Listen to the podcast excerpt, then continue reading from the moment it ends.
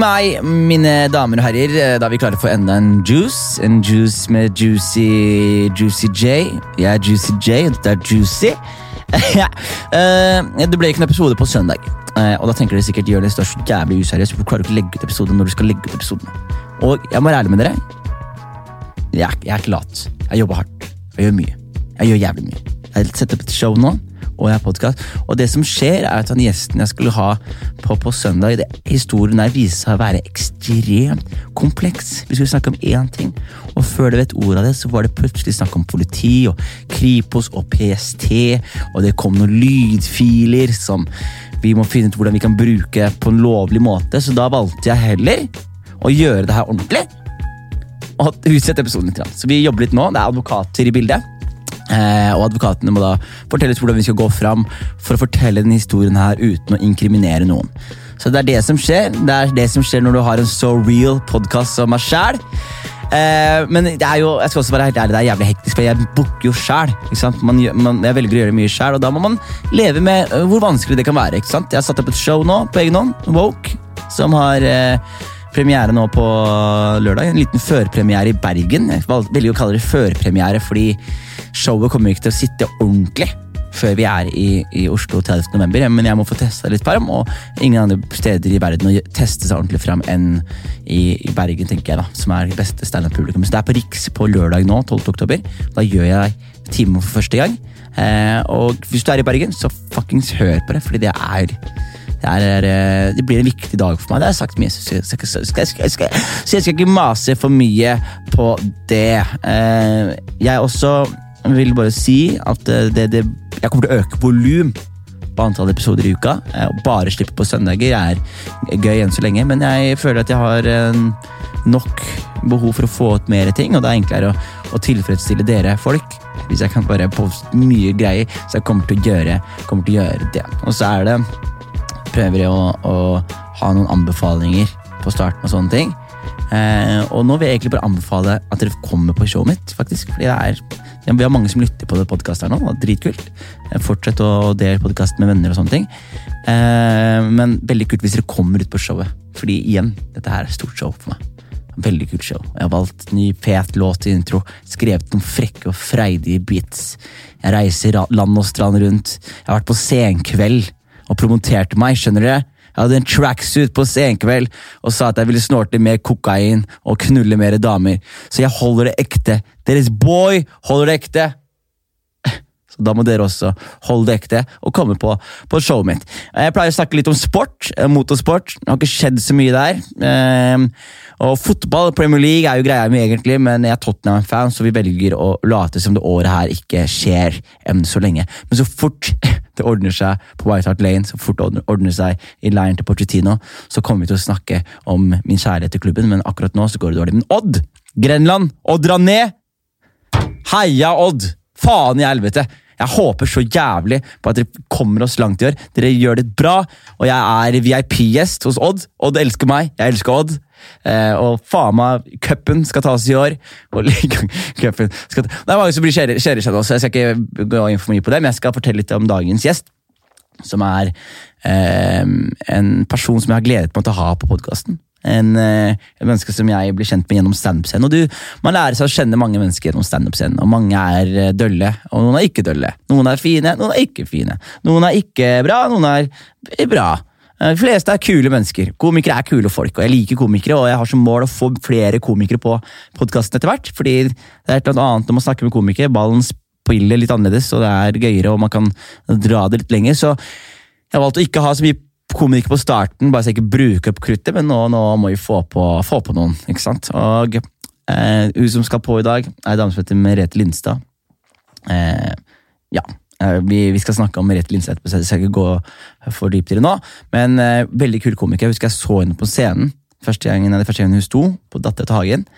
Og jeg var så stoka. Hun snakket om ting som jeg syntes var så gøy å høre. Det var så fascinerende med det perspektivet på ting. Eh, og jeg var så mad fan og prøvde å få henne på showene mine i ettertid. Og jeg var bare snakket rundt om henne og jeg var så stokka. Hun var så dyktig og har hatt en historie som få kan matche. Eh, og det, det syns, og det syns på måten hun prater på, det syns i hennes erfaringer, det syns i hennes refleksjoner. Og det er mange som på en måte har etterspurt at jeg booker flere kvinner. Men jeg tror ikke det var en sånn kvinne de tenkte på når jeg sa det.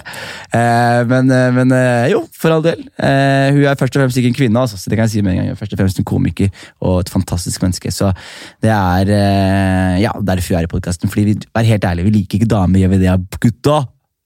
We, don't like them bitches, do we? If you're not, if you're not cleaning the kitchen, what are you doing? Nei da, jeg skal ikke kjøre, jeg skal ikke kjøre den, men seriøst. Eh, som jeg alltid pleier å si, jeg oppfordrer til forferdelige ting. Fordi det er det som er livet. Skjønner dere? Eh, Vi er, vi er ikke, vi er ikke en sånn podkast som sier at de skal trene. Vet dere hva jeg sier til dere? Jeg sier til dere ikke tren. Jeg sier ligg på sofaen helt til du får ryggsmerter, og så skift stilling. Til du får ryggsmerter igjen, og så skift stilling. Bare switch til smerten flytter seg over hele kroppen. Er du laktoseintolerant? Ikke i dag, baby! Skvett nedpå så mye helmelk du klarer. Skjønner du? Faen meg, sug nabogutten på 14 år og si bare hyggelig. Skjønner dere?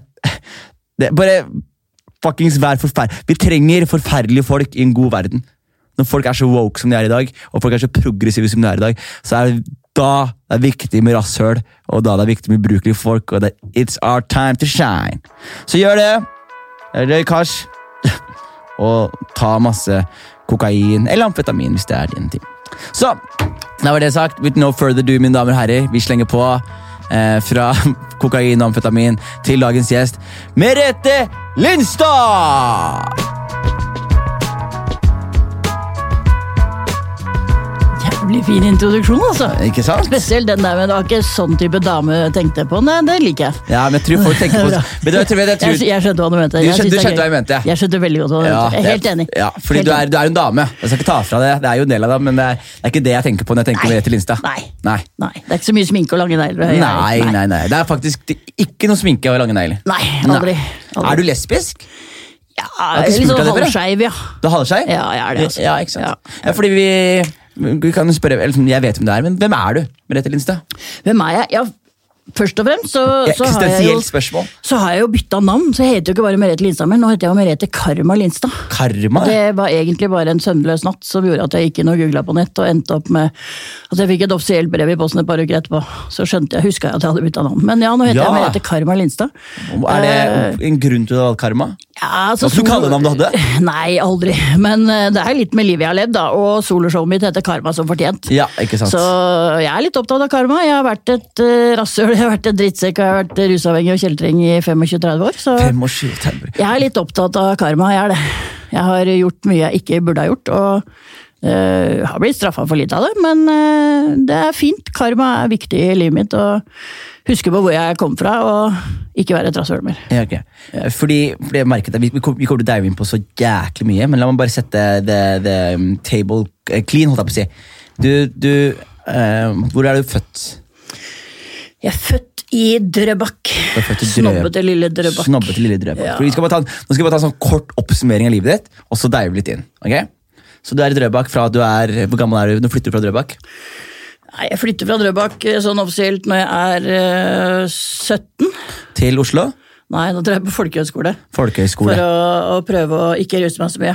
Ja, du ruset deg mye før, eller? Ja, før du var 17? Jeg, ja, jeg gjorde det. Ja. Og så dro jeg på folkehøyskole for å skjerpe meg litt. Ja. Etter jeg hadde gått et år på møbelsnekkeren, for jeg kom ikke inn på noe annet. ja. Så gikk jeg på folkehøyskole, og man drar jo ikke på folkehøyskole for å bli nykter. Så, så var jeg der et år. Så dro jeg tilbake til Oslo, og begynte å jobbe som dørvakt i byen. Jobba som dørvakt i byen. Mm, Seks år. Det er sjukt. Og så mm, ble narkotika i bildet? Jeg sto jo og pusha i døra, Du så det var døra? kjempefint. Det var helt genialt. Det var faen, ok, vi- helt strålende. Det er, ok, det pusha i døra. Hva slags pusha du? Hæ? Hva pusha du? Nei, det var først og fremst kokain. Ja. Uh, Nei, Den selger man nett. og mye ecstasy. Jeg er jo så gammel at jeg, jeg var jo på de første housepartyene. Du var på de første Så det var mye ecstasy og kokain. Ja. Og litt amfetamin til de som hadde dårlig råd. Og så, og så, når er det det gikk sidelengs på rusbruk? Nei, det gjorde det egentlig når jeg ble hekta på heroin eh, rundt 20. Du var hekta på heroin rundt 20. Ja. Da jobba du Ja. i dørvakt også? Ja, jeg gjorde det. Så heroinavhengig dørvakt som selger kokain? Ja, det er dårlig kombinasjon. Det er faen meg dårlig kombinasjon. Men det funka. Og så ber du folk ta seg en runde. Går det bra med deg, eller? Så er det sånn, «Nei, det går ikke bra med meg, men det går bra med deg. Eh, og så, ok, så eh, bare, går fort gjennom det. Ja, ja, kjør og så er du heroinavhengig i mange år. Eh, du begynner å, å, blant annet å, å, med litt torpedovirksomhet. Jeg gjorde dessverre det, altså. Ja. Hvor gammel var du da? Eh, 19 første gang. 19 første. Eh, og når er det du eh, måtte sone for de greiene her? Hadde du sona du i 20-åra? Eh, ja, første gang. Hvor, hvor gammel var du da?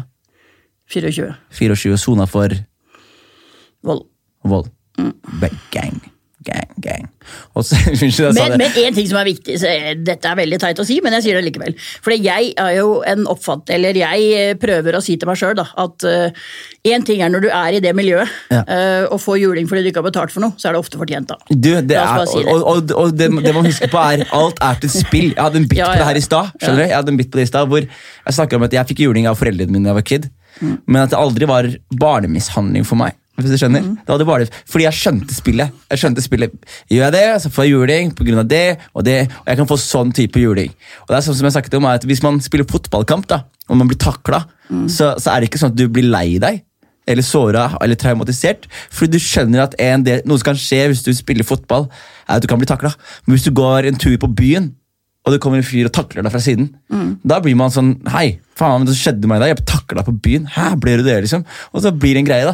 Så det er litt det samme greiene med, med disse miljøene her også. Er man en del av miljøet, så er det litt andre regler. Så og det må også vite er, Jeg vet ikke hvor mye du har hørt på den podkasten, men jeg dømmer ikke i det hele tatt. Nå bare, og jeg vet at du er blitt en flott person, så når vi graver i tingene her, så er det ikke noe dømmende i det hele tatt. Ja, Altså. da, nei, kjør på. Jeg tåler det. Ja, bra. Så du soner for vold? Ja. Og hvor lenge soner du? Ingen kommentar.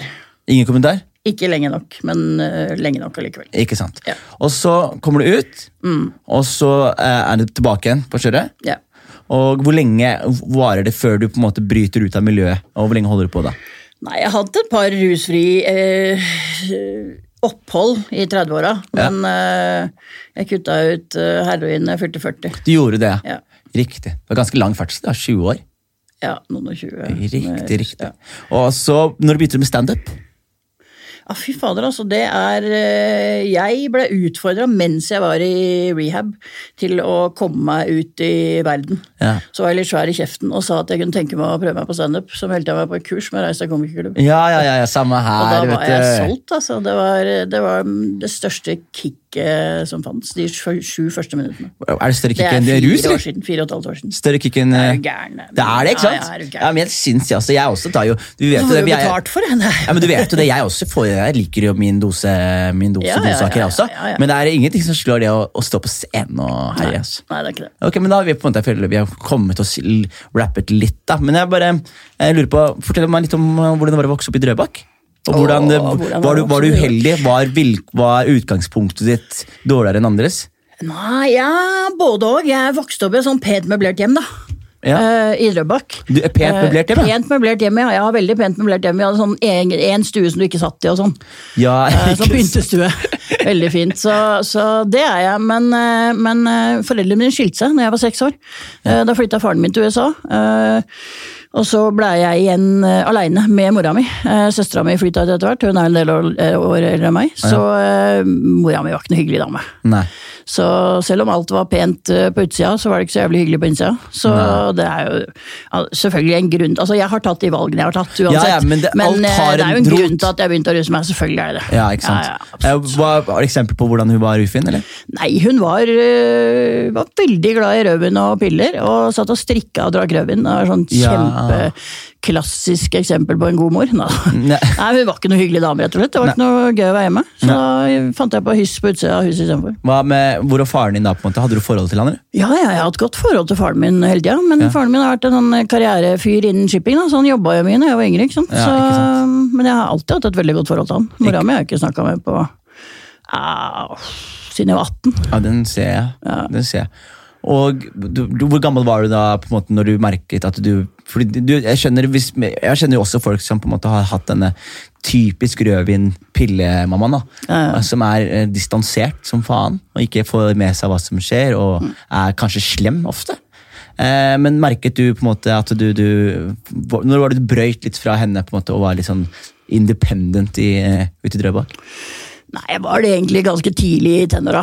Det, ja. Eh, Det var liksom eh, ikke sant? En ting var at hun ikke var noe hyggelig å være hjemme sammen med, ikke sant? men øh, øh, Nei, jeg rusa meg, eller jeg røyka hasj første gang jeg var elleve år. Ja. Uh, så det var Det er tidlig, altså. Ja, det er altfor tidlig. Jeg kasta meg som en gris, var dritflaut foran de eldste nede i balleparken i Drøbak. Og så bytta en hel flaske Smirnoff jeg stjal av mora mi med et gram hasj, liksom. Jævlig dårlig ut av meg. Og spøy som en gris i Oslofjorden etterpå. Men eh, Nei, jeg var, eh, jeg var veldig sånn urolig barn, da. Ja. Jeg var full av ADHD da jeg var liten. Men jeg er jo såpass gammel at da ble det ikke kalt ADHD. Du var bare hjerneskada og bortskjemt. ikke sant? Ikke sant. Hyper. er veldig hyper. Veldig hyper. Veldig lite hyggelig å ha med å gjøre på Ja. skolen. og- Men merket du at du utagerte, utagerte du sosialt fordi du ikke hadde det bra hjemme? eller? Så var du liksom, var du slem på skolen, liksom? Jeg sloss i friminuttene, jeg gjorde det. Gjorde det? Jeg gjorde det altså. Jeg var kjempefornøyd. Husker jeg I, sjuende 7. klasse da fikk jeg sånn Salomon slalåmhansker som var polstra på fingrene. Det syns jeg var kjempestas. folk, Ja, liksom? da fikk jeg ikke vondt i hånda når jeg slo. Ja, men har du alltid hatt fysisk overtak? For Du, ganske, du har gode, skuldre nå. Jeg kan se for meg at du har en bra sving i høyrehånda di. Ja, har, det har på en måte sikkert vært min sånn derre lille bonus, da. At Ja. jeg har, eh, og det er, ikke sant, når du er ung og er utagerende på den måten, så er det jo en grunn til det. Men det var vel min sånn eh, Mitt eh, skjold for å holde resten av verden ute, sikkert. Ja, og, var det- men var du, var du den eh, eh, Sånn som du snakker om karma, så, men var du den aggressive parten? Nei, Nei. jeg var ikke det. Følte du ofte at slåsskampene var legitimert? liksom? Ja, jeg, jeg, hadde, jeg, ærlig, jeg, jeg, jeg hadde en slåssperiode i barneskolen spesielt. husker Mm. hvor jeg, eh, det, var, det var sport, da, og gutta det handla litt om å tøffe seg litt. Mm. Og da husker jeg Du kunne gå gjennom skolegården, det er helt sant, og så ser du en fyr som bare står bare mind his own business. Så sier du plutselig bare sånn Hæ? Hva sa du? Kalte du mora mi en hore? Og så bare denger den. Han har ikke gjort en dritt, altså. Mm. Og så bare denger du. Og, og, og du gjør det fordi det, er, det var sport, da. Men det var ikke sånn du følte du hadde det på rette, liksom. Nei, men jeg tror eh, Spesielt på ungdomsskolen i Drøbak så var det mye sånn fordi at jeg Så jeg var jo flink til å erte på meg folk, selvfølgelig. Ja. Uh, men det var også litt sånn derre krasj, fordi uh, ikke sant? Jeg, jeg, hadde, jeg hadde stort sett mest kompiser da, på skolen. Uh, fordi jeg ikke var så opptatt av hester og sminke og sånn. Og det var mest fordi det var nok noen av gutta som følte seg litt trua, tror jeg. Ja, og da oppsto det litt sånn irritasjon, og så så jeg sikkert en en mulighet til å erte litt òg, sant. Så var det Jeg tror ikke jeg var så vanskelig. Men hvordan åssen var det makt når du denga gutta, liksom? Var ikke det liksom Nei, sånn det var ikke noe populært for Det var dem. ikke det, ikke Nei, det, var, det er ikke Nå kan faen Merete og banka deg, din jævel! Det er flaut. Det er flaut. kjempeflaut. Eller det er ikke så flaut. det er ikke så flaut. Du, er er kjempeflaut. du, du har jo, du har jo Ja, ja. Faen. Men det, er ok, men det er kult. ok. Og ha- ha- merk, Når du følte du fikk litt sånn dårlig innflytelse inn i livet ditt, her, da? var det ungdomsåret der, eller? Ja. Det var de gutta som du bytta Smirnoff med? Nei, det var jo mest de, som, de eldre, liksom. Som var litt sånn på, på utsida av resten av snobben i Drøbak. Mm. Som uh, vanka i badeparken. Men uh, jeg begynte jo tidlig å, å stikke av og dra til Oslo, da. Ikke sant? Uh, Ikke sant. På den tida så var det det som var liksom Østbanegjengen, da. Som hang utafor gamle Østbanehallen. Riktig. Det var liksom uh, Det var der, det er det som var plata? Ja, ja, men det var lenge før plata, egentlig. Ja, men det var ok, men det er der men plata var, da. Ja, ja. Ikke sant? Der kom liksom drittunger fra hele østlandsområdet og samla seg Og hva gjorde de da? Bare knaska Nei, der var det mye eh, tull, altså. Det var eh, veldig mange av de unggutta som var der, eh, prostituerte seg. Det var mye Unggutta prostituerte seg? Ja, veldig mye ung gutteprostitusjon på den tida der. Men hva- men til menn, da? Ja. Og damer, ja ja. På Halvorsens konditori, ja ja. Halvors konditori? Har du ikke hørt om det? Nei, fortell, da! Nei, fader, har du ikke det? Nei, fortell! Det er derfor Nei, det podkasten her, det er podcasten her fins! Det eksisterer jo ikke mer, da, men Halvorsens konditori det lå ved siden av Stortinget. Det. Ja. Og Der var det sånn, der gikk liksom, der gikk unggutta, og, og der var det sånn at hvis du snudde kaffekoppen din da, opp ned, og hvis en av disse rike damene var ofte godt bemidla damer som var der, da, og da var det liksom et hint at du var interessert. Og da var det enten så tok de deg med på et hotell eller en bil. What? Eller, ja, det var Halvorsens konditori. du er for ung, vet du! Jeg har ikke hørt om Halvorsens. Faen, det hørtes ut som en god businessmulighet som forsvant, ass! Ja, den er veldig synd for mange, det der. altså. Hva, vet, du, vet du cirka hvor mye man fikk betalt for et ligg, eller? Nei, et par hundre kroner kanskje, hvis du var heldig. par hundre kroner? Ja. Og så ble du pult av en voksen dame, liksom? Ja. For en god business Eller var du åpen for at menn kunne pule deg også da? på en måte? Nei, ikke på Halvorsen så var det damer. Gamle, godt voksne damer. Dritbra business, da! Ja, det var mange av gutta som gikk der. Ja, ja, det er jo hyggelig som faen. Jeg vet, jeg vet, Gutta mine hadde betalt penger, de. Ja, ikke sant? Snudd koppen og lagt den Han 200 snudd kroner alle kopper på hele Halvorsens. Du skal åpne Halvorsens konditori igjen. Ja. Ja, men Sånne ting som der er jeg veldig fascinert av. Ja. og så da var det, ok, så det skjedde, og Hva, hva slags eh, narkotika var i omløp da? På, på, Jeg regner med at det var det som også samla litt folk? Ja, men det var jo det var, altså, Blant vi som var liksom drittunga på Østbanehallen, så var det jo mye hasj, da. Men det var Ja. jo også heroin og amfetamin, selvfølgelig. Det var ikke så mye kokain på den tida. Nei, det var ganske god hasj på den tida. Det Der, var altså. Mye bedre enn nå. Ja. Men uh, Mye bedre enn nå? ja, på den på midten av 80-tallet, ja. ja ah, det, var, det var god hasj. Ja, rød libba nå. Ja, det var mye godt. Det var, nå er det så mye sånn syntetisk drit. Nå har ikke jeg røyka på lenge. Eller hvis jeg gikk på en smell i sommer, men det kommer jeg ikke til å gjøre på en stund. Nei, nei, nei. ikke noe høydere, altså. Nei, men. Men eh, nei, det var mye, var mye bra saker. Og, og på en måte Det gikk dårlig med folk som var der, eller? Vil du Ja, det gikk veldig dårlig. altså. Det gikk veldig dårlig med veldig mange. Det er mange av dem som ikke lever mer. Herregud, Ja, det er ser jeg, det ser jeg. veldig få som er i live i dag. Altså. Men, men, men var det på en måte det, Var det på en måte et fellesskap? da? Ja, det var jo det som var greia. ikke sant? Det var jo det var liksom familien, da. Det Mm. var liksom, jeg, det var liksom trygghet. Det var, det var de eneste som brydde seg om det. Ja. Det var den gjengen du vanka med der. Ja. Så det var eh, Det var jo selvfølgelig en sånn indre justis der òg, men det var liksom mange hadde det sånn som jeg hadde hjemme. da, ikke sant? Så Ja. det var ikke noe hyggelig å være hjemme.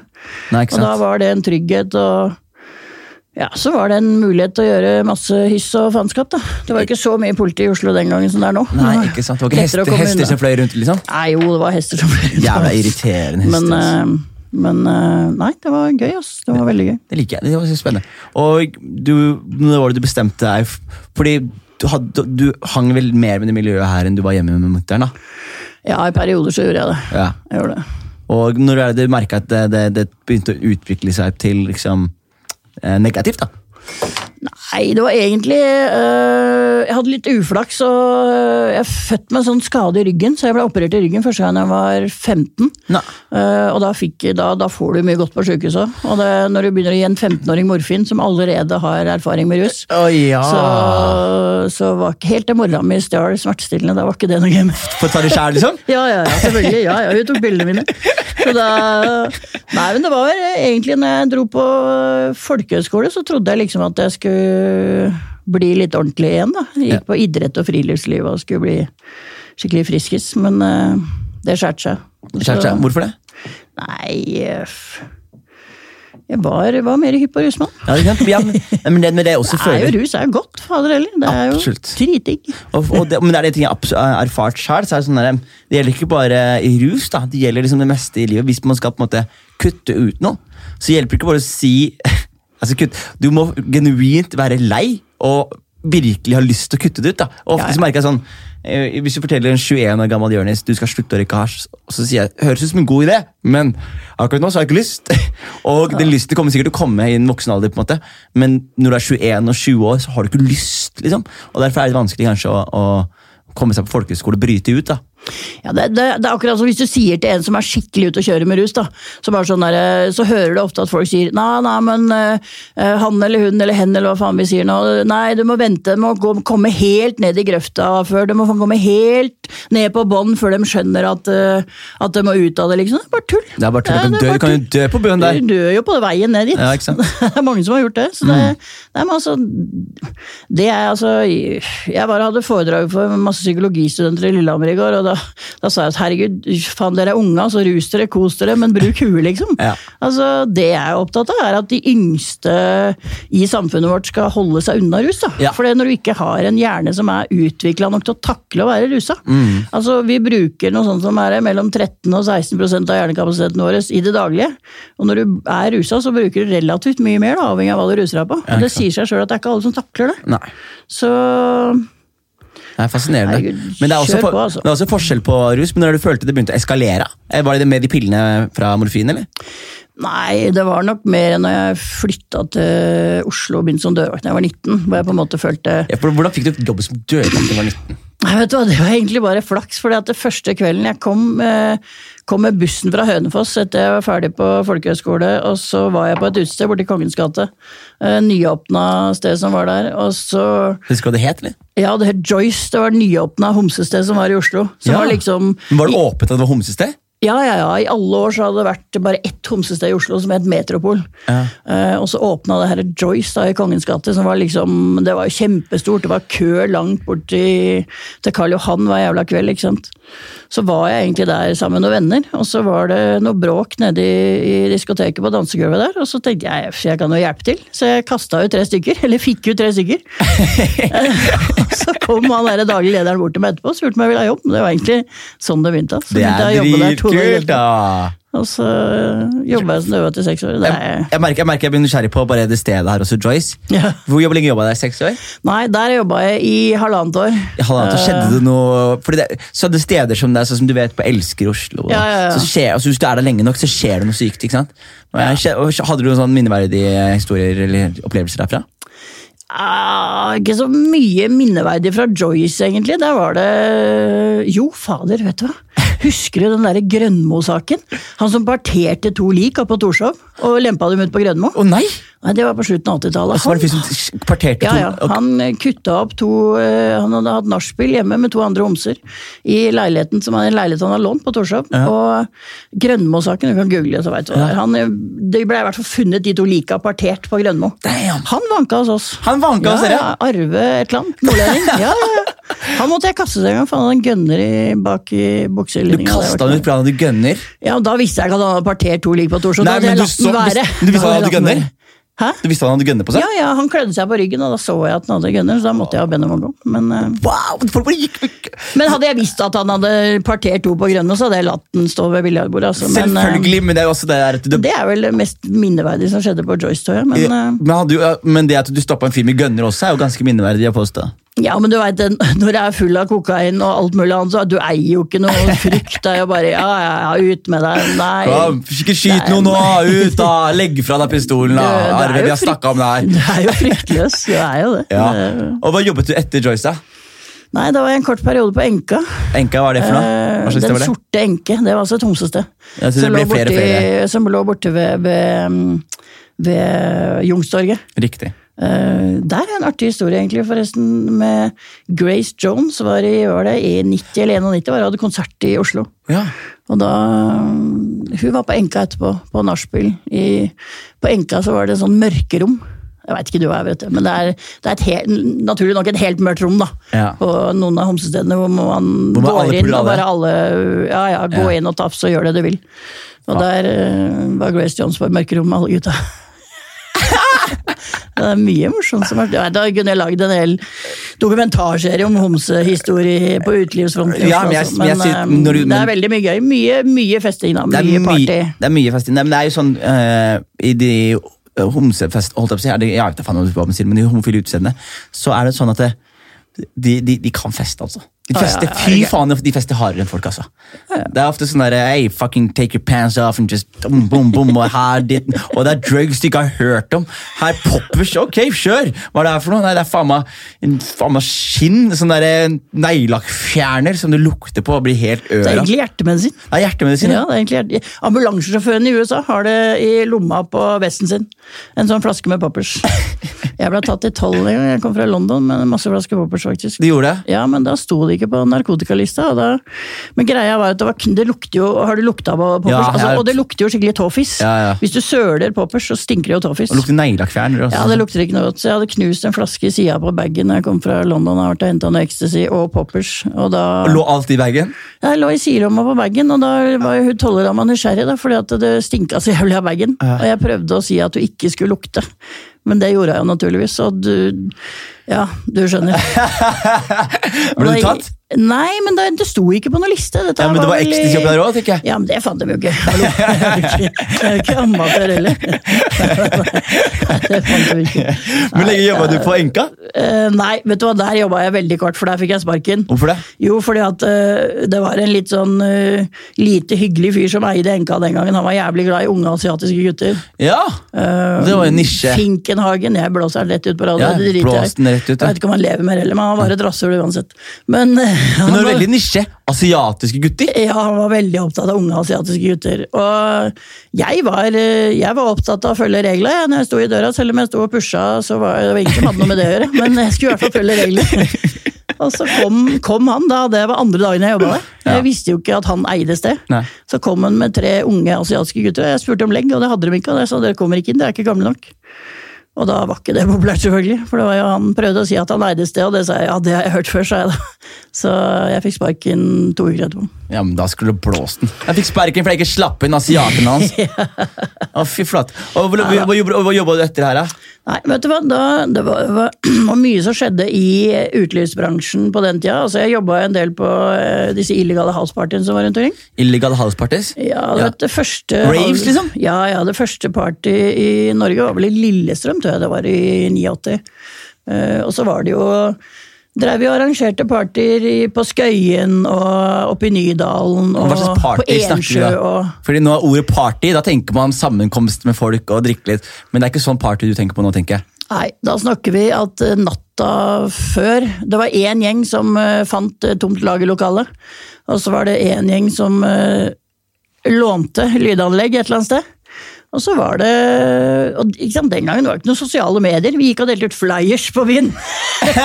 og da var det sånn der, Hvis det var party i, i eh, Nydalen, så var det sånn der, ok, da møtes vi ved rundkjøringa på Bjølsen eh, klokka halv fire på natta etter å være ferdig på byen.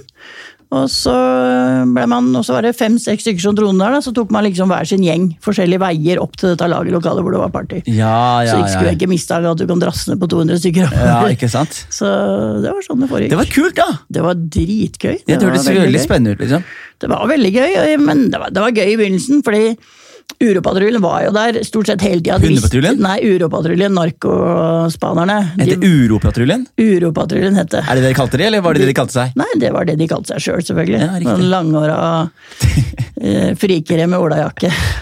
Nei, men Et par av de var veldig ålreite, altså. Men Ja. i hvert fall, de pleide å sitte på utsida i bil. Ja. De lagde ikke så mye krøll for oss, egentlig, men uh, når de begynte å ta litt av og bli litt mer kjent, så var det mye drittunger som kom på de partyene, og da ble det litt vanskeligere for oss som drev og pusha. Og... Ja, fordi det er en liten digresjon, men jeg, jeg føler at liksom politiet har et rart forhold til narkomane i, i Oslo. Sånn for, sånn for eksempel, Hvis du går på Brugata, da, så kan du se, altså jeg ser folk bytte på pilleposer med penger. og ping, Men politiet bare lar de være. Bare sånn, de bare, øh, bare altså, Men samtidig, noen ganger slår det hardt ned. Ja. Og så bare er de helt sånn der likegyldig til liksom, utvekslingen som foregår. Er det noen grunn til det? Vet Du vi har jo kanskje litt mer peiling enn meg. Nei, vet du, Noen ganger så virker det litt sånn der, nei, nå har vi ikke så mye å gjøre, nå kan vi gå ned og ta noen. Men ikke sant, det som er så dust de driver på med i Oslo sentrum, det er sånn hvis du blir tatt for å pushe i Brugata da, og er uheldig altså Ofte så står det en politipatrulje der, akkurat som du sier, de ser jo alt som skjer. Ja. Og jeg syns man bare skulle la være folk være i fred, da. Ja, absolutt. Altså, men så det som er så teit, er sånn nei, nå er du bortvist fra Oslo sentrum i 24 timer. Det, det, og, alt dette snakk om at nei, vi må få alle junkiesene ut av Oslo sentrum. Hva skal du gjøre, da? Sende de på Grünerløkka, på Tøyen, og der hvor eh, alle unga går hjem fra skolen og sånn. Det er ikke Mm. Ja. noe hyggelig, det. Nei, ikke det hele tatt. Så Nei, det er, det er kanskje det dummeste jeg har hørt, er å prøve å jage så å jage de fra plata. Det var jo, slik jeg har forstått da, så var det vel Olav Thon og de som var veldig hissige på at de skulle vekk derfra. Mm. Er ikke Stemmer ikke det? Jo, jo. Hva hva var greia der? Det jo ødela businessen, da. Ja, For han hadde hotell der nede? Ja, ja. Ja, Plata var helt genialt. Det var genialt. Ja, det var kjempefint. Det var jo ikke noe særlig kamera på den tida heller. Og så var det sånn sone ved siden av Tottobua, het den kiosken som lå der. Ja. Og da var det en sånn på høyresida i hjørnet der kunne du stå og pushe uten at det ble sett på kamera. Ja, det var veldig fint. genialt. Men det har jo vært overalt i byen, ikke sant. De har flytta seg rundt og bare De var bare Ja, jaga rundt! ja. Og, så, og så skjønner man jo ikke at, at man på et, på et, på Problemet er jo at narkomane mennesker er jo syke.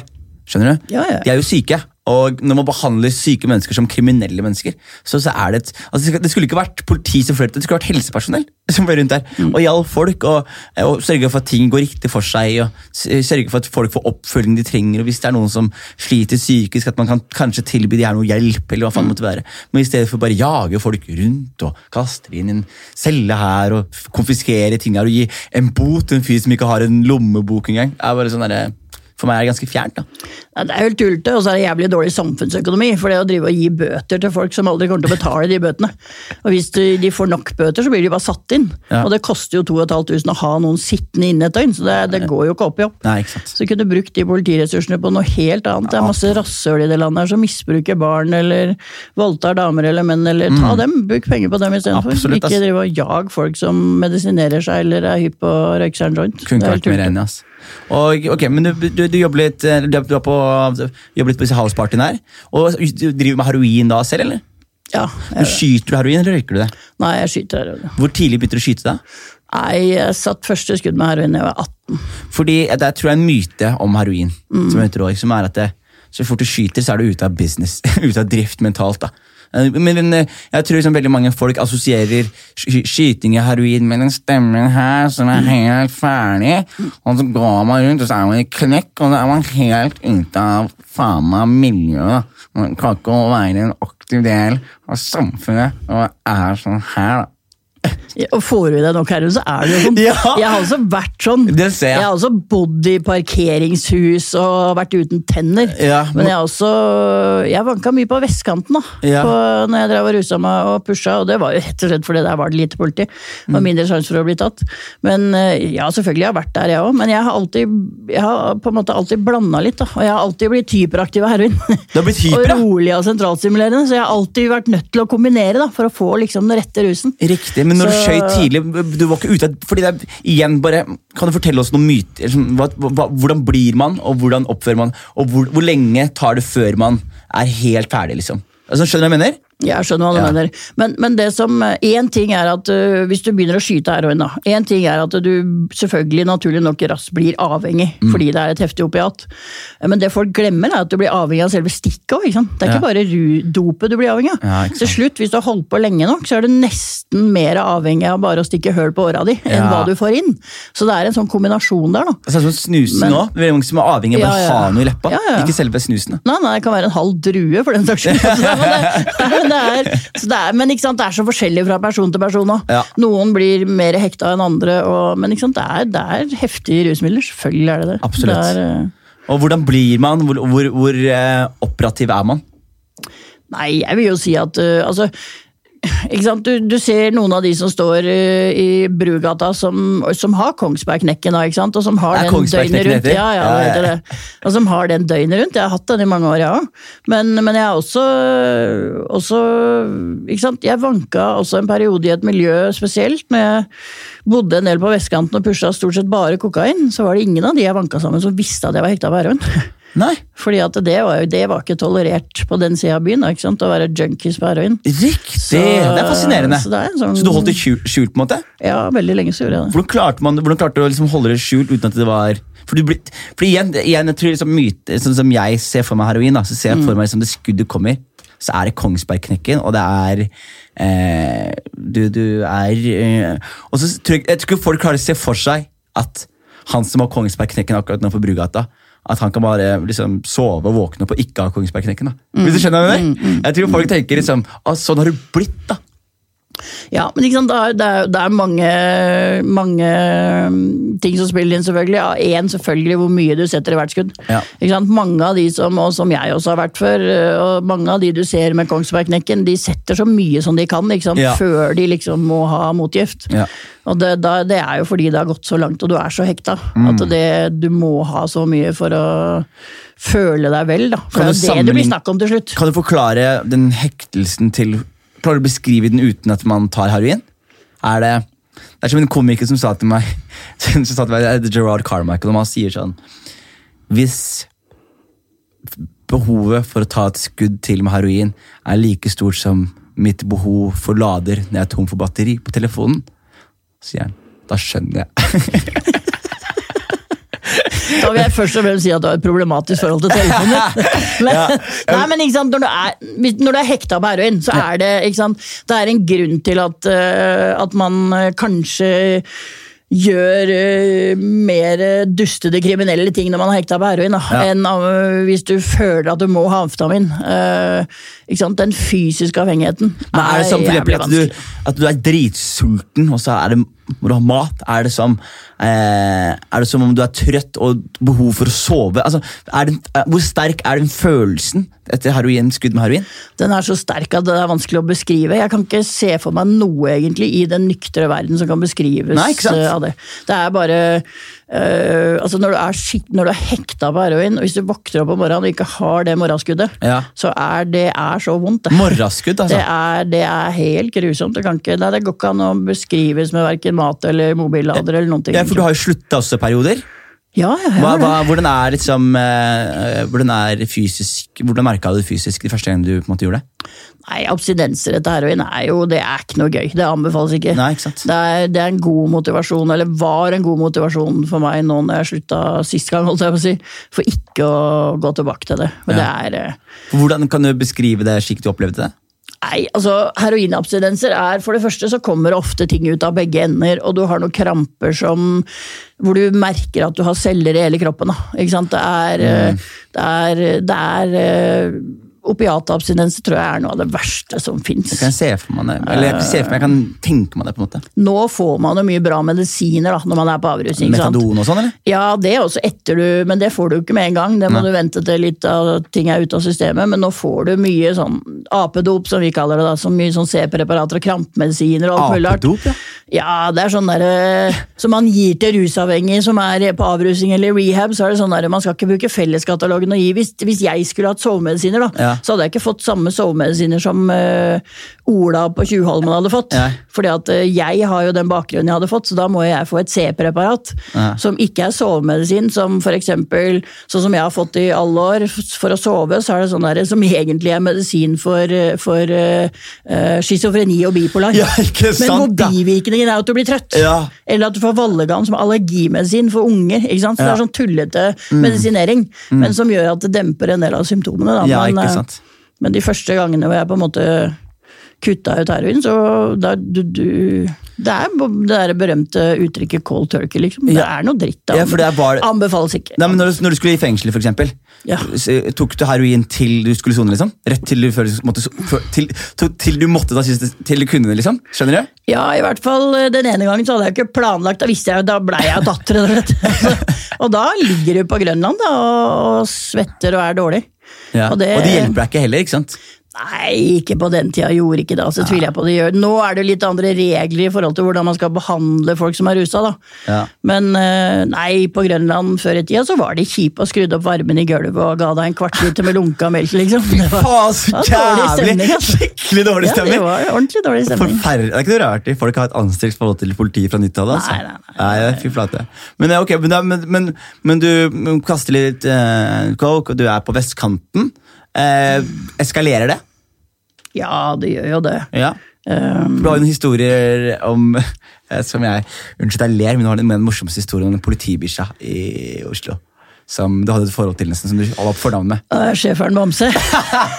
Uff, måtte du ta Jeg ler bare, jeg ler bare, jeg tenker Det var ikke på vestkant, det var på Grønland, faktisk. Det var på Grønland? Jeg, klarte aldri å løpe fra.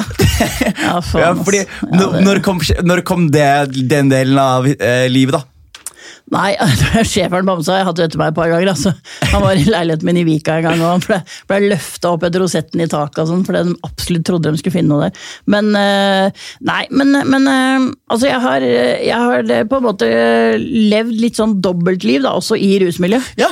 Fordi at jeg har på en måte, ved at jeg vanka i de miljøene jeg vanka i på vestkanten, og var sånn streiting Altså Det er en grunn til at jeg ikke har arr i armhulene, Nei, ingen. men jeg har arrene andre steder som ikke syns. Oh, ja. Fordi at det ikke skulle synes hva jeg dreiv med. Da, ikke sant? Ja. Og jeg drev mye med svindel en periode. Altså jeg, Hva slags svindel da? nei, mye kortsvindel. Ja, det, Veldig mye kortsvindel. Jeg hadde en gjest på podkasten, min første gjest her, som også satt inne for noe kredittkortsvindel. Og han sa liksom på Tina så var det liksom, det var det som var Det var en så business, da. Ja, ja, det var jo kjempelukrativt den gangen. Det morsomme var jo at du kunne sende korta inn til Visa Norge få Finland etterpå. For å få finnerlønn etterpå. Finland etter du hadde liksom brukt det så mye at de hadde fått sperra det og ikke hadde fikk brukt det noen steder. Men eh, nei, men, nei, men jeg, jeg, jeg, velger å tro at jeg var en smart kjeltring. Altså. Ja. Ellers hadde jeg jo sittet inne mer, selvfølgelig. Det tror jeg. Men, eh, men eh, ja, ikke sant, i den forstand hvor smart du er som kjeltring. Men eh, jeg pleier ofte å si når jeg har standup eller jeg hadde soloshowet mitt, at eh, 70% av det jeg sier er sant, og 30% er ljug. Mm. Eh, Så får folk finne ut sjøl, for det er jo mye jeg ikke har blitt tatt for. Ja, og, det, Så, men- og sånn er det, og, og, og ting blir fri. Men det er jo det som er så fint med, med deg, da, bare for, sånn for å ta en liten pause fra, fra det her, er at du, du, er jo en sykt inspirerende person. da. Skjønner du, etter så mange år gjennom det du har vært gjennom. Og igjen, som du sier, er, det er folk som dør, det er folk som ryker, det er vanskelig å overleve disse abstinensene, og det er i hvert fall vanskelig å prøve å tenke nå skal jeg snu livet og, og eie livet mitt litt igjen. da. Og det har du klart, så, så mesterlig som jeg har sett noen har klart å gjøre det. Og det er eh, så beundringsverdig at det er veldig inspirerende. da. Ja, det er veldig hyggelig at du sier det, men det kosta altså. Det kosta meg fire år på en sofa under en dyne full av C-preparater og var metanon etter jeg kom inn i behandling. Ja. Ja. Ja, ja, For jeg, lå, jeg var ordentlig dårlig Ja, jeg var det, altså. Okay, jeg tenkte vi kan komme dit, fordi Jeg er veldig keen på å høre på hvordan du kom deg ut, men jeg er også keen på å bare høre hvordan det her pika. og bare, For ofte er det sånn når man er inne i et sånt miljø, slik jeg også har forstått det som for Jeg også er jo også en form for type miljø, men jeg merker at det ofte spiraliserer seg. At det ofte blir sånn at man ender opp Man, man er bare in too deep, da. sant? Og så plutselig så gjør man det, og, så plutselig, og før man vet ordet av det, så, så er man plutselig sånn Å ja, dette er livet mitt, ja. Dette er, den, dette er det jeg har blitt, på en måte. Og du er på vestkanten, og du er, lever det dobbeltlivet ditt. Hvordan er det du, du, hva, hva er det neste som på en måte skjer, da? Nei, men greia, greia Det som skjedde med meg, som gjorde at jeg på en måte Én, at jeg bestemte meg for å, å kutte ut, var også fordi at det skjedde mye i det miljøet jeg vanka i. I, i vestkantmiljøet? Eller, Ja, vestkantmiljøet, hvor det var, det var eh, en del eh, ja, Jeg skal ikke komme inn på det, apropos ting man ikke har blitt tatt for, men det var en del ting som skjedde, da. Ja. Som gjorde at det var litt sånn ok, nå, nå, nå må jeg enten nå må jeg komme meg bort, eller så ryker jeg inn lang, lang tid. Riktig. Eh, og så sleit jeg Apropos det med Kongsbergknekken, da Ja. var jeg der plutselig. Du var det, ikke sant? Og hadde tre hjertestans i løpet av ti dager. Og var What?! erklært klinisk død tre ganger i løpet hvordan, av ti dager. hvordan ble du hjulpet ut av det? Eh, Nei, det, det var bare flaks at jeg ble hentet, eller funnet og henta ambulansen tidsnok. Alle tre gangene? Ja, ja. Tre ganger i løpet av ti dager. Det var, og så var det en sykepleier på akutten på Ullevål som uh, sa til meg når jeg våkna den tredje gangen, at bare du, du må bare Du må skjerpe deg. Dette her går ikke, liksom. Og apropos det der med du må skjerpe deg, klipp deg hår og få deg en jobb, liksom. Men Ja. det var litt sånn, og det gikk inn, da. Ja, men det skjønner jeg når de sier sånn Du, nå har jeg møtt deg tre ganger her. Ja, ja, og, ja, du, det og du dør sånn. tre ganger. Ja, ja, det var sånn. Altså Neste gang du dør her, så er du død, liksom. Ja, ja. ja, ja. Jeg hadde grise, mer flaks enn eh, det det er lov til, egentlig. Men det er en sterk dame, da, tenker jeg også. Jeg tror det har- spiller, Ja. spiller litt inn på, på greia her. Ja, det er, jeg er jo det å, tåle mye, men, eh, men eh, Nei, men det var flere ting, apropos spiral, da. Det var liksom jeg, jeg tror jeg med hånda på hjertet kan si at hvis jeg ikke hadde kutta ut uh, i 2008, Ja. uh, og kommet meg ut av det miljøet, Ja. kutta ut heroin, så hadde jeg enten sittet inne Mm. på en eller annen isolatcelle på Bredtvet, eller vært dau. Ja, fordi, Nei, når var det hjertestansen skjedde i forhold til 2008? Nei, det var på våren 2008. Det var da, ja. Så det, Ja, ja. Du var, du var, du var, men var det vestkanten 2008? det? Ja. Så det var der det på en måte skjedde? Ja. Riktig, riktig. Og Fortell meg litt om det igjen, om hunden Bamse og når du hadde etterretningene på deg. og sånn. Nei, da det var, det var eh, Altså, jeg hadde en, en, eh, en tendens til å slippe unna med, med litt ting, men det gikk jo bare en viss periode, da. For det, når jeg drev og krevde inn penger, så eh, var det Ja, fordi, egentlig å, vi glemmer det også litt. Åh, vi håper over det. Men du krever inn penger også. Da torpedo glemte vi litt. Det var litt sånn småtorpedo, var det ikke det? Ja, ja, men nå, altså? Ordet torpedo er litt sånn der flaut å si nå om dagen, med Ja. han der idioten som er i retten nå, da, ikke sant? som driver Ja. og truer Røkke og sier han skal få 100 millioner for å ta livet av han derre idioten. Men uansett, da. Men jeg krevde inn penger. Pengeinnkrever, Jeg inn penger. namsfogd. Jeg henta penger, og de som ikke klarte å betale for seg. Og, og, og, og, og, hva, hvordan, hva slags summe snakker man her? Og, hva, hva, var det eksempel at jeg sa til deg Hei, Merete. Han skylder meg en høvding. Nei, Hent en høvding fra hans. Nei, han skylder meg ti, ti Nei, fem, Nei. f- 50? Ja, minst. Minst. Okay, Ja. han, skylder, meg 50, liksom. Ja. Gå og hent det, så får du 20 av det. Er det typ sånn, da? Ja. Ja. Og da var du Hadde du rykte på for å være god, eller? Ja, jeg hadde den perioden. Det, det er sånn teit å skryte av. Nei, men det er jeg- lov. ja, jeg hadde, Det er lov. Jeg, hadde, jeg, jeg, jeg gjorde jobben i hvert fall. Men uh, greia var at uh, jeg, jeg var på en, en uh, jobb ute i Bærum for mange år siden, og da kom politi, og det var det jo ingen som hadde planlagt, selvfølgelig. Og så han kompisen som jeg pleide å være sammen med, han sa 'begynn å grine', begynn å grine. Jeg tar på meg skylda, sånn. Så, Faen, hva er det han driver med? Så kom politiet, og jeg begynte å grine. Og dro en historie om at og, og jeg hadde blitt trua, og kompisen min tok på seg skylda, og jeg begynte å grine og slapp unna. Og det funka jævlig bra. Den brukte jeg faktisk i mange måneder. Og jeg kom meg unna at jeg begynte å grine. Helt til liksom jeg traff på de samme politifolka. Og da var det liksom, så var det én gang da var det Uropatruljen som kom sammen med vanlig uh, politi. Det var en leilighet oppe på Sagen, og da var det sånn Du trenger ikke å begynne å grine nå, sa de, og så var det, da var det slutt. Da, da var det sånn, ok, men da tørker jeg disse krokodilletårene nå. Ja, så eh, Nei, men uh, schæferen Bamse, det var egentlig fordi at jeg hadde vært i en liten krangel med en fyr uh, på Grønland ved Vaterlandsbrua, og så kastet jeg han i elva. Du kasta han i elva ved Grønlandsbrua? Jeg gjorde det, Ja, og da wow! Ok, vent da. Men, Sorry, at jeg eh, glorifiserer din uh, tidligere onde Men han, han fortjente det, han fortjente det, men, eh, men eh, Gikk det bra med Gikk det bra med? Ja, det gjorde det. det, gjorde Det er bare, det er ikke, er ikke høyt? Nei, det går fint når han var rusa. Det går fint. Men eh, da slapp de eh, schæferen Bamse etter meg. Og da Mens du var på Grønland der, liksom? da Bakdelen med at du rusa på heroin er at du løper ikke så veldig fort. Så da blei jeg bitt i ræva av schæferen Bamse. Bitt i ræva? Ja. Mm, Fytt der. Uff da. Men eh, ja. Ja. Nei, men det er, eh, men det er, det er, spennende, det er. For det er, det er så, men har du, hadde du venner i miljøet som du eh, enten har forhold til nå, eller som du skulle ønske du hadde forhold til nå, eller som du dessverre ikke har forhold til nå? Jeg hadde noen få som jeg var, eh, som jeg var tett med, ja. Men det er begrensa hvor mange venner du har når du er i et sånn belasta miljø. Ja. Men eh, dessverre så var det begravelse for han siste gode kompisen min i fjor. Uff da, Eh, og det er jo Og det var, det var kjipt. Det er mange av de som er døde. Ja. Det er et par stykker som er igjen eh, av de på en måte som var til å stole på, da, og som jeg på en måte var sammen med i mange år. Ja. Eh, Få tillit i det, i det miljøet der er en sjelden åre. ja, det er sjelden, og i hvert fall når du driver med mye av det jeg dreiv med også, så var det jo litt sånn eh, Ja, det er viktig å stole på folk, da. Ikke sant? Så, Ja, men det er eh, fascinerende. Og så kom vi til Når var det du på en måte bestemte deg for nok er nok? Det var på slutten der. Vi snakket om du lå på sofaen, men hva som fikk etter 2008, eh, Kongsbergknekken, hjertestans tre ganger, var det din dama på sykehuset som var noe av det som fikk deg til å snu, eller? ja, det var det, pluss at jeg hadde vikla meg inn i en uh, sak som jeg, Du trenger ikke å spørre om, for jeg har ikke Nei. tenkt å kommentere. Nei. Som var litt sånn derre uh, jeg skjønte egentlig, selv om jeg var skikkelig ute å kjøre, at enten så må jeg stikke av. Ja. Uh, Dra til USA til faren min. Eller så må jeg dra tilbake til leiligheten min i Hegdehaugsveien og bare vente på å bli tatt. Eh, Eller som må jeg finne på noe. Og så hadde jeg vært en tur i Tyrili på begynnelsen av 2000-tallet. Ja. Og så var jeg, var jeg en tur hos eh, gamle psykologen min på Alternativ til vold. Ja. eh, Nede på Grønland. Og så så jo hun at jeg så helt kjørt ut. Og så sier hun skal ikke ta deg en tur inn. Jeg var nei, nei, nei, jeg må ordne opp i noe greier først. Så, men så var jeg heldig og fikk plass på Tyrli på to uker. ja. Så da rømte jeg egentlig fra byen, faktisk, og fra alle problemene jeg hadde rota meg opp i. Gikk det de to ukene der var 2008. viktige, eller?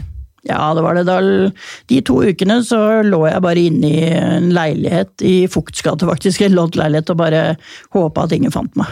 Riktig. Og venta på å komme inn i behandling. Riktig. Og, da, og så kom du inn i behandling? Så kom jeg inn i behandling, og da var jeg ordentlig dårlig fysisk og psykisk. Og da lå jeg faktisk, altså bokstavelig talt, på sofaen i fire år og spiste medisiner og var dårlig. Helvete, altså. Og la på meg 60 kilo. Med cola og mikropopkorn og masse gode medisiner. 60 kilo? Ja, ja, ja. Du la på deg Jonis. Jeg la på meg Jonis. Jeg la på meg Jonis. På skulderblad, mager og indre lår. Ja, Fire år? Hva gjør man på en sofa i fire år, da? Fortell meg. Se på Ullared og Dr. Phil Luksusfell og Hundepatruljen og alt mulig dritt Du, på TV. du vet jo akkurat hva som går på TV Ja, til enhver tid. Jeg hadde full kontroll. ass. Full- Jeg så på alt som var. Å, fy faen. Og, og, men hva var det som holdt deg oppe? For det må jo ha vært demotiverende mange ganger å være der. Ja, men vet du hva? I den verste perioden så var jeg så full av medisiner. Eh, ikke sant? Eh, Jeg fikk 21 piller om morgenen og 11 på kvelden.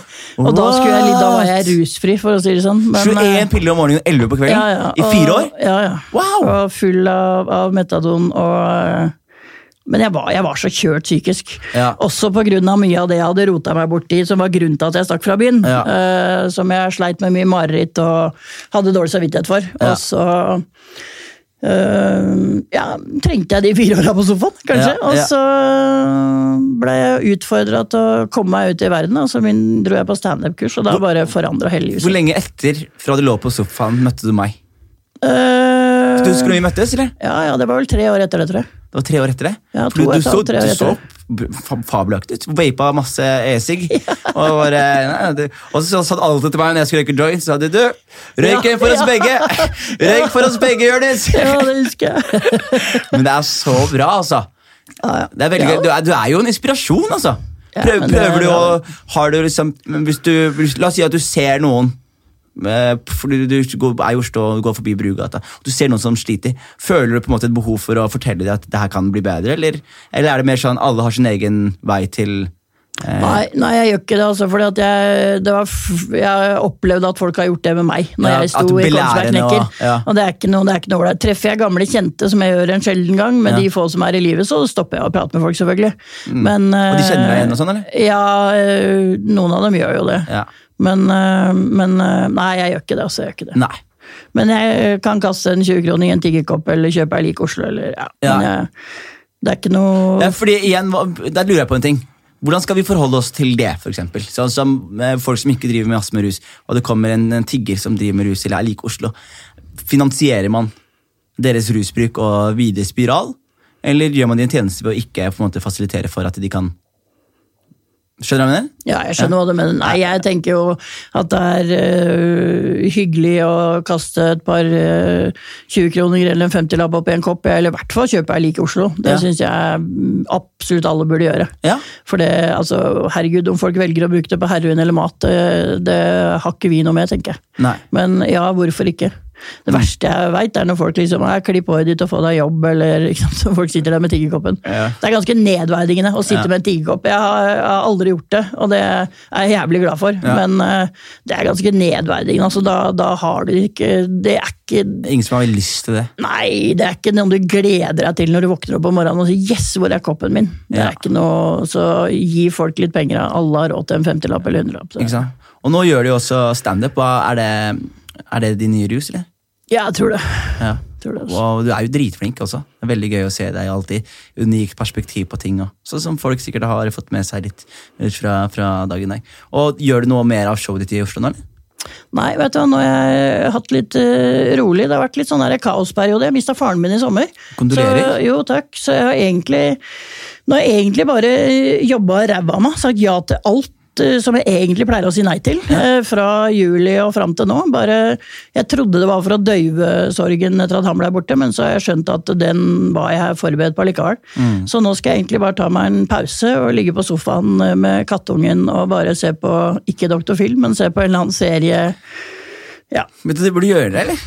Nei. Jeg mener det. Du burde lage en podkast. altså. Ja, jeg har Ja, tenkt bare- på det, men Du eh, burde ja. lage en liten podkast fra leiligheten din til Lillehammer. Og bare, ja, hvorfor ikke? og, og bare fortelle oss litt om uh, For ditt perspektiv er unikt. da. Mm. Og det er spennende på en måte å kunne høre deg filosofere og, og, og, og drøfte og tenke på ting. da. Men eh, det jeg bruker mye tid på nå, jeg har jo gått på en liten smell, for jeg har engasjert meg i lokalpolitikken, og så det det, ja! gjorde det partiet jeg er med i, som er Rødt, vi gjorde det litt Rødt? vel bra.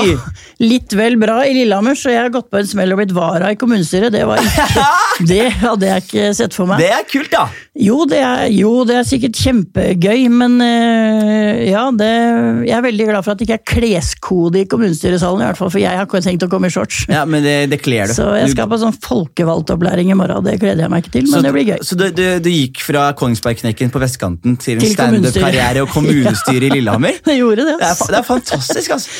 Så nå skal jeg jobbe for et alternativ OL i Lillehammer, tenkte jeg. Det er faen meg kult, altså. For eh, rusavhengige og psykisk syke og Ja, så du, Ja, du, planer om å gjøre det litt sånn, ikke sant? Nei, men vi må i hvert fall få litt humor inn. Det er så mye krangling blant politikerne i Lillehammer. Ja. Det er sløsing av penger og ja, jeg skal Nei da, men alvorlig så skal jeg jobbe for eh, helse og omsorg, rus og psykisk helse og barn og unge i Lillehammer. Det er Og, og så vi kan bare rappe opp helt til slutt. Hvis det er uh, unge mennesker ute som på en måte um, eksperimenterer med ting eller sliter psykisk, og sånn, har- hva, hva er det sterkeste og beste rådet du på en måte kan gi til folk?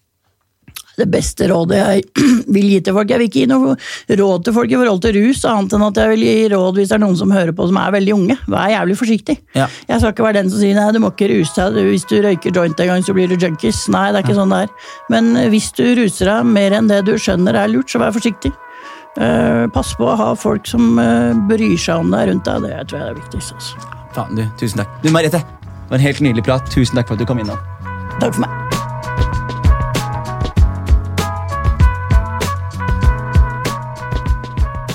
Og det, mine damer og herrer, var det vi rakk med den fantastiske Merete Karma Lindstad. Eh, Sjekk ut denne standup hvis muligheten byr seg. En fabelaktig, fantastisk og inspirerende dame. Jeg håper og regner med at dere også ble inspirert. Eh, kommer mer juicy podkast ut denne uka her, så fortsett å subscribe og del med venner. Eh, tagg, lage sånn story.